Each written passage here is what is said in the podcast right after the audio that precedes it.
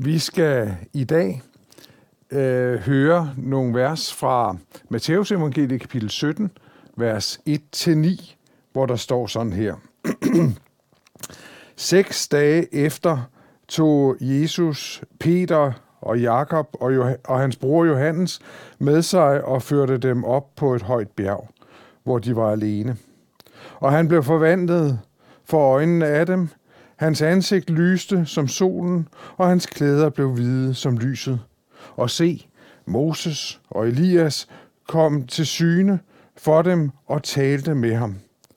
Så udbrød Peter og sagde til Jesus, Herre, det er godt, at vi er her. Hvis du vil, bygger jeg tre hytter her. En til dig, en til Moses og en til Elias. Mens han endnu talte, se, der overskyggede en lysende sky dem, og der, blev, og der lød en røst fra skyen. Det er min elskede søn. I ham har jeg fundet velbehag. Hør ham. Da disciplene hørte det, faldt de ned på deres ansigt og blev grebet af stor frygt.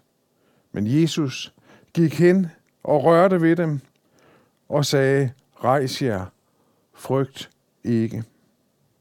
Og da de løftede deres blik, kunne de kun se Jesus alene. Mens de gik ned fra bjerget, befalede Jesus dem, fortæl ikke nogen om dette syn, før menneskesønnen er opstået fra de døde. Amen.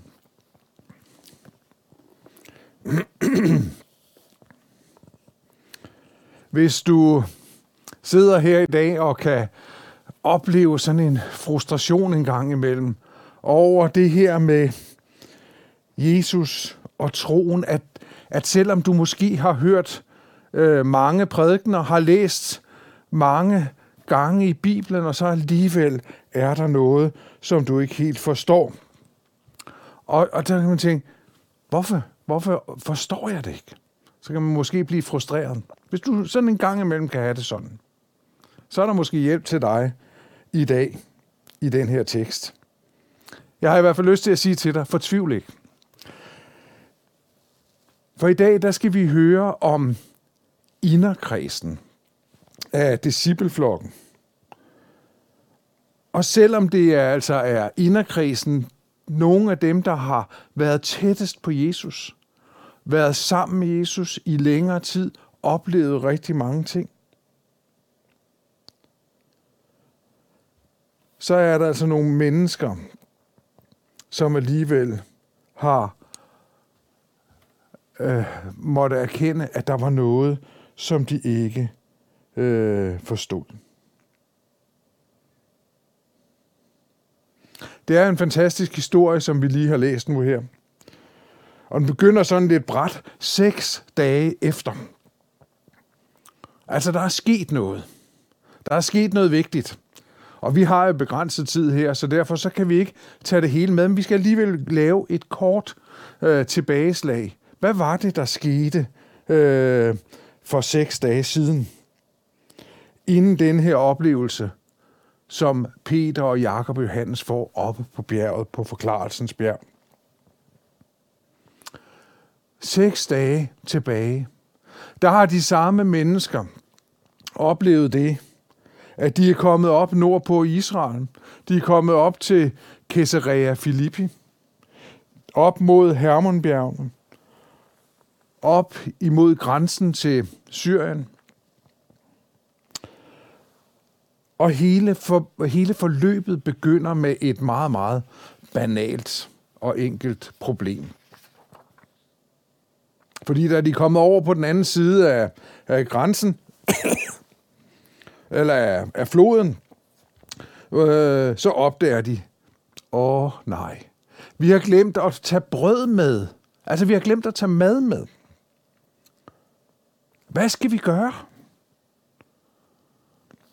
Jeg tror godt, vi er mange, der kan sætte os ind i den der situation. Det er da, det er da et mega stort problem.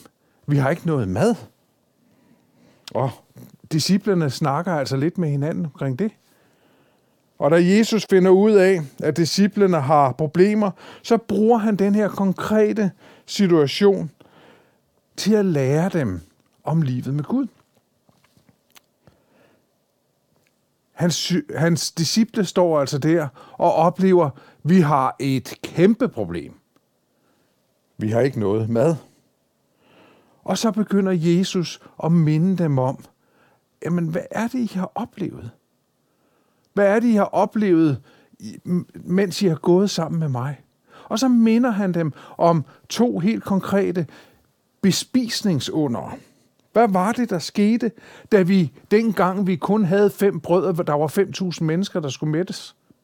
Hvad var det, der skete? Hvor meget var det, der blev til overs, siger Jesus. Tænk lige på det. Eller kan I huske dengang, da vi havde kun syv brød, og vi havde 4.000 mennesker, der skulle mættes? Hvor meget var det, der blev til overs? Altså det, I oplever som et megaproblem nu her, det er ikke sikkert, det er et problem. For for Herren er alting muligt. Er det bare sådan lige? Tænk lige over det, siger Jesus til dem. Og så siger han, nej, det I skal passe på, det er farisæernes og sadukærernes surdej. Og sådan er det jo, når vi samtidig optaget af noget, så kan det samtidig være lidt svært at, at tænke sådan lidt bredt. Og, og det var det også for disciplene her. Fordi da de hører om, at Jesus han taler om øh, farisæerne og, og sadokærernes surdej, så tænker de straks, åh, det er det her med, at vi har ikke noget brød så skal vi måske have noget surdej. Det er jo sådan meget øh, tid, ind i vores tid også det her med, at man giver hinanden en klump surdej, og så, øh, så kan man bage. Og det var også lige det, at disciplerne blev optaget med det samme. Måske skal vi bage noget brød. Men det gik op for dem, at Jesus ikke talte om brød. Han talte ikke om deres problem om, at de havde glemt brødet. Men når han nævner, at de skal passe på farisæernes og sadukæernes surdej, så taler han om, at, at de skal passe på den lære, den undervisning, som de kom med. Så meget kan man altså tage fejl, også selvom man er i inderkredsen af Jesus discipleflok. De, de forstod alligevel så lidt. Og de glemte alligevel så hurtigt, hvordan Jesus gang på gang havde grebet ind i forskellige situationer. Og også hjulpet dem med selv de mest banale ting i livet, som for eksempel at få noget at spise. De skulle mindes om det hele tiden. Vi skal mindes om det hele tiden. Og det er så også i den forbindelse, at Jesus han spørger disciplene, hvem siger folk egentlig, at jeg er? Hvem siger folk, at menneskesønnen er? Og efter nogle forskellige udsagn, så kommer Peter med det, vi kalder for Peters bekendelse. Du er Kristus, den levende Guds søn. Og han havde ret. Det var ikke noget, han selv havde siddet og, og regnet ud, fordi han var god til at tænke store tanker. Nej, det var noget, som Gud den Almægtige havde lagt ind i Peters hjerte. Gud havde givet ham at se Jesus som den levende Guds søn, som Kristus.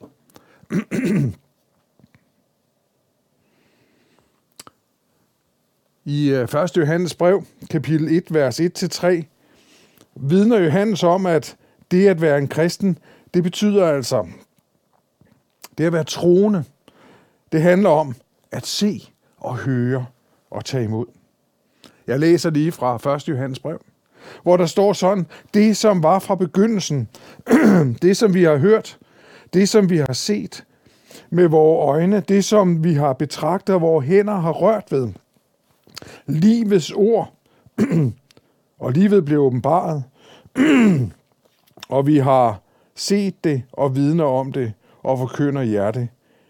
Det evige liv, som var hos faderen og blev åbenbaret for os. Det, som vi har set og hørt, forkynder vi også for jer, for at også I kan have fællesskab med os. Og vores fællesskab er med faderen og hans søn, Jesus Kristus. Det vi har set og hørt og rørt ved, det er det, der skaber vores tro. Netop heroppe i Caesarea Philippi, der fik disciplene at se, at Jesus er Kristus, den levende Guds søn. Men de fik også lært et budskab, som de altså ikke forstod på det her tidspunkt, nemlig at Jesus skulle dø og opstå for alle mennesker. Det var også en del af det, de havde talt om. Det var altså det, der skete for seks dage siden. Og så nu, seks dage efter, hører vi her i den her tekst, vi har læst nu. Disciplerne har sikkert haft hovedet fyldt af tanker omkring det, de havde talt med Jesus om i løbet af de her seks dage. Omkring det her med, at han er, han er Kristus, han er Guds søn. Omkring det her med, at han skulle leve og han skulle dø for dem.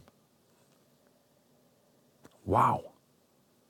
Et uforståeligt budskab. Og nu har vi det jo lige så godt, har de sikkert gået og tænkt på. Hvorfor skal det her ske? Og så er det altså, at Jesus han udvælger tre disciple, Peter, Jakob og Johannes, til at gå med op på bjerget.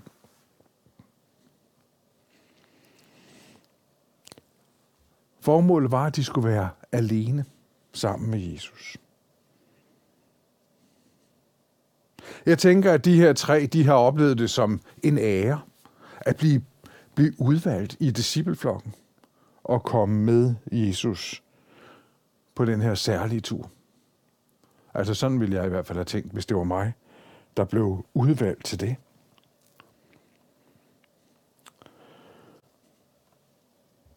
Vi oplever faktisk, eller vi læser i Bibelen, at de her tre personer, de oplever faktisk den her udvælgelse en gang mere øh, sammen med Jesus. I forbindelse med, med da Jesus kommer til Jerusalem og går ud i Gethsemane. For at bede, der vælger han også de her tre mænd og tager dem med sig og beder om, at de skal våge og bede sammen med Jesus ude i Gethsemane. Jeg ved ikke, om I kan huske det, men det gik bare ikke så godt. Matteus evangelie kapitel 26, vers 36-46, fortæller den her beretning om, at, at de får den her særlige opgave at være tæt på Jesus, og Jesus går ind for at bede, og da han kommer tilbage, så er de faldet i søvn. Altså de her, der vidste, hvem de havde med at gøre. De vidste, at det var den levende Guds søn. Og han beder nu om, våg sammen med mig. Men de kunne ikke holde sig vågne. Det var nok lidt pinligt for dem. Men nu er de altså sammen med Jesus. Oppe på bjerget, fortæller vores historie. Og så sker der noget helt særligt. For øjnene af dem forvandles Jesus. Mens de ser på ham. Hans ansigt begyndte at lyse, hans, hans tøj, hans klæder begyndte at lyse. Der kom en lysende skær. For øjnene af dem står Guds søn og stråler. En bekræftelse på det, Peter seks dage tidligere havde, havde bekendt. De ser den almægtige Guds søn stå der og stråle for dem. Wow. Sikke en oplevelse. Og alligevel, i hvert fald i teksten her, når det bliver gengivet her, så reagerer de faktisk slet ikke på det. Underligt nok. De ser Jesus blive forvandlet. De ser, at Moses og Elias de kommer. Moses og Elias, som vi kender fra det, fra det gamle testamente. Moses, den store leder, og Elias, den store profet. De kommer og taler med Jesus. Hvad de talte med den guddommelige Jesus om, det, øh, det bliver ikke gengivet her. Men det er sandsynligt, at de har talt om det, der snart skulle ske. Det at Jesus skulle gå til Jerusalem. Det at Jesus han skulle blive taget til fange, at han skulle lide, og han skulle dø, at han skulle opfylde løfterne og loven. Det har sikkert været deres samtaleemne. Og midt i det her, midt i den her samtale, så bryder Peter ind og bryder situationen og skifter fuldstændig fokus. Herre, hvis du vil, så kan jeg bytte, bygge tre hytter til jer. En til jer hver. Om det var fordi det var løvhyttefest, at Peter fik den her idé, eller om det var fordi, at, de, at Peter bare var så begejstret for det, han fik lov til at være en del af, for det, han fik lov til at opleve, at han bare ønskede at være der sammen med Kristus, Moses og Elias. Det ved vi ikke. Men der er ikke noget at sige til, hvis, hvis Peter har været begejstret. Og at det var begejstringen, som, øh, som der var skyld i, at Peter han kom med det her forslag. Det må have været fantastisk at være øh, oppe på bjerget sammen med Jesus. Og opleve Jesus i den her forvandling. Det var det, Peter og hans venner fik lov til at opleve. Uanset hvor sympatisk Peters forslag så ellers må lyde, så bliver han altså afbrudt i sin øh, talestrøm. Først kom der lyset, altså tegnet på Guds nærvær. Og så kom røsten. Guds røst. Guds stemme. Og så hører vi om, at disciplene falder til jorden. Falder på knæ. Dette er min elskede, min søn den elskede. I ham har jeg fundet velbehag, siger Gud. Hør ham. Det var de samme ord, eller næsten de samme ord, der lød, da Jesus blev døbt. Vi kan læse om det i Matteus evangeliet kapitel 3, vers 17, hvor Gud udtalte de her ord, mens en, en øh, mens Guds ånd dalede ned over Jesus som en due. Dette er min søn, den elskede lød det dengang. Men nu føjes der altså to ord mere på.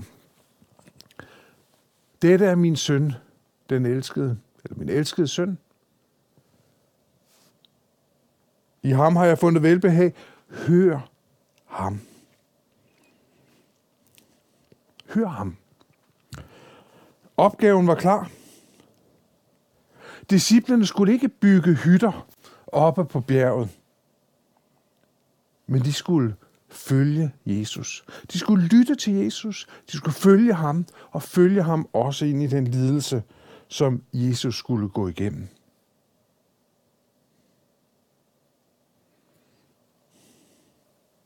Opfordringen kan være et udtryk for den med, med baggrund i Israels folks trosbekendelse, som vi kan læse om i 5. Mosebog kapitel 6, vers 4. Her der står der, Hør Israel. Herren var Gud. Herren er en. Sådan begynder Israels øh, folks trosbekendelse, 5. Mosebog, kapitel 6. Og så kommer en, en opfordring efter den her udmelding. Hør Israel. Så kommer der en opfordring om altid at have Guds ord i sinde. Altid at, at forkynde. Uanset om du står op eller ligger ned, eller uanset om du er ude eller hjemme, uanset hvor du er, fortæl om dit, din tro. Fortæl om dit liv med Herren. Altid. at være disciple. Efterfølger af Jesus. Det er noget, vi altid skal være. Det blev Israels folk mindet om der i 15. Mosebog. Det bliver vi mindet om i dag. Altid hør ham. Tal om ham til dem, du møder. Ha' altid Jesus for øje. Disciplerne kastede sig ned som et udtryk for tilbedelse.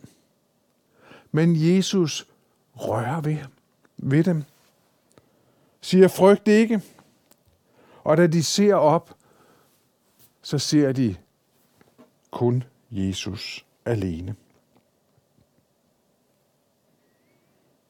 Det er en vild oplevelse, som de lige har været vidne til. Og de er fyldt, kunne jeg forestille mig, helt op til randen af den her oplevelse. Og da de så løfter deres ansigt, så ser de kun Jesus. Og så fortæller beretningen om, så går de videre. Så går de ned ad bjerget, ned til de andre disciple. Men dog med den besked om, at det her, det var ikke noget, de skulle tale om før efter opstandelsen. Dette er min søn, den elskede i ham har jeg velbehag. Hør ham.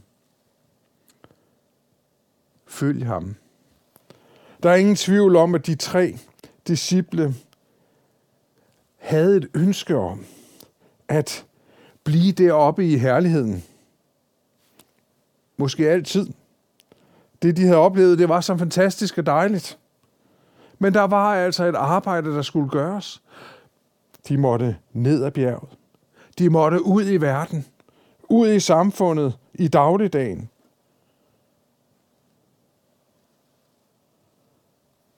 Kaldet var klart. Tjen Herren.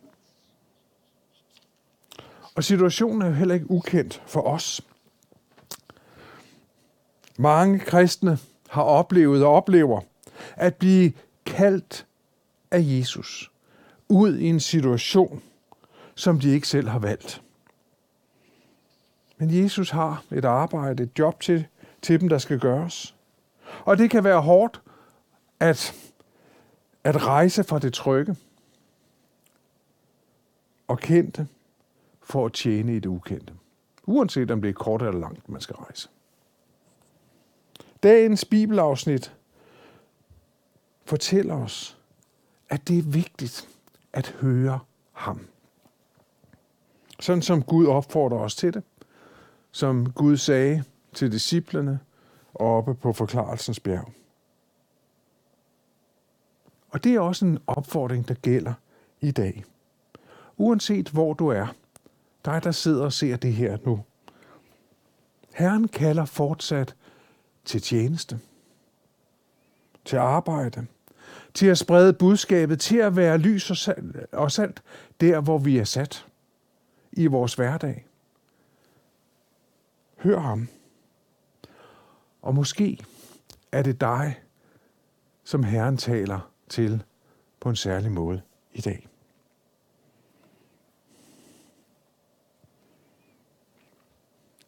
Selvom kaldet fra Gud kan føre os ud i sådan et ukendt terræn, så fortæller dagens bibelafsnit, hvad der sker, når et menneske hører. Der løftede disciplene deres blik op, deres hoveder, og så så de kun Jesus alene.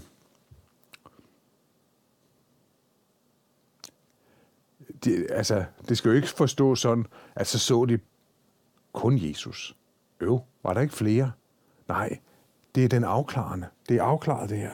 De så kun Jesus alene. Fordi det, der er ikke brug for noget andet. Når Jesus rækker dig kald, så må du se Jesus. Det er forudsætningen for troen. Det er forudsætningen for tjenesten.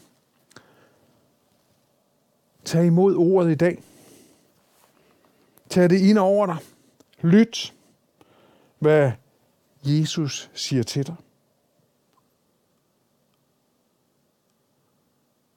Må Gud velsigne dig. Lad os bede.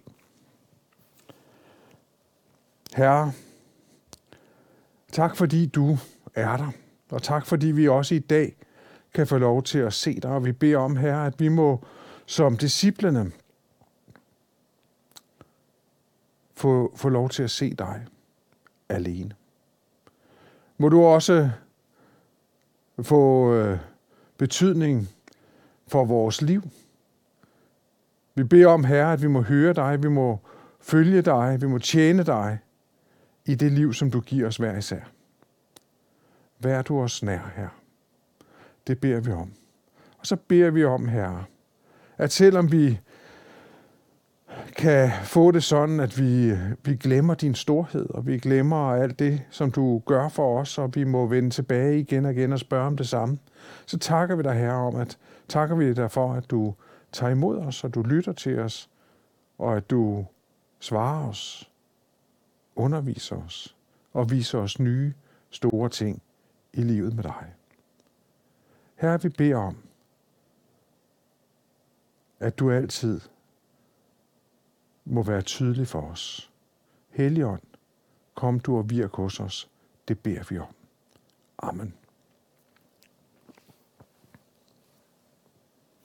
Vi skal nu modtage Herrens velsignelse, dele Herrens velsignelse. Og øh, vi har den, den aronitiske velsignelse i det gamle testamente.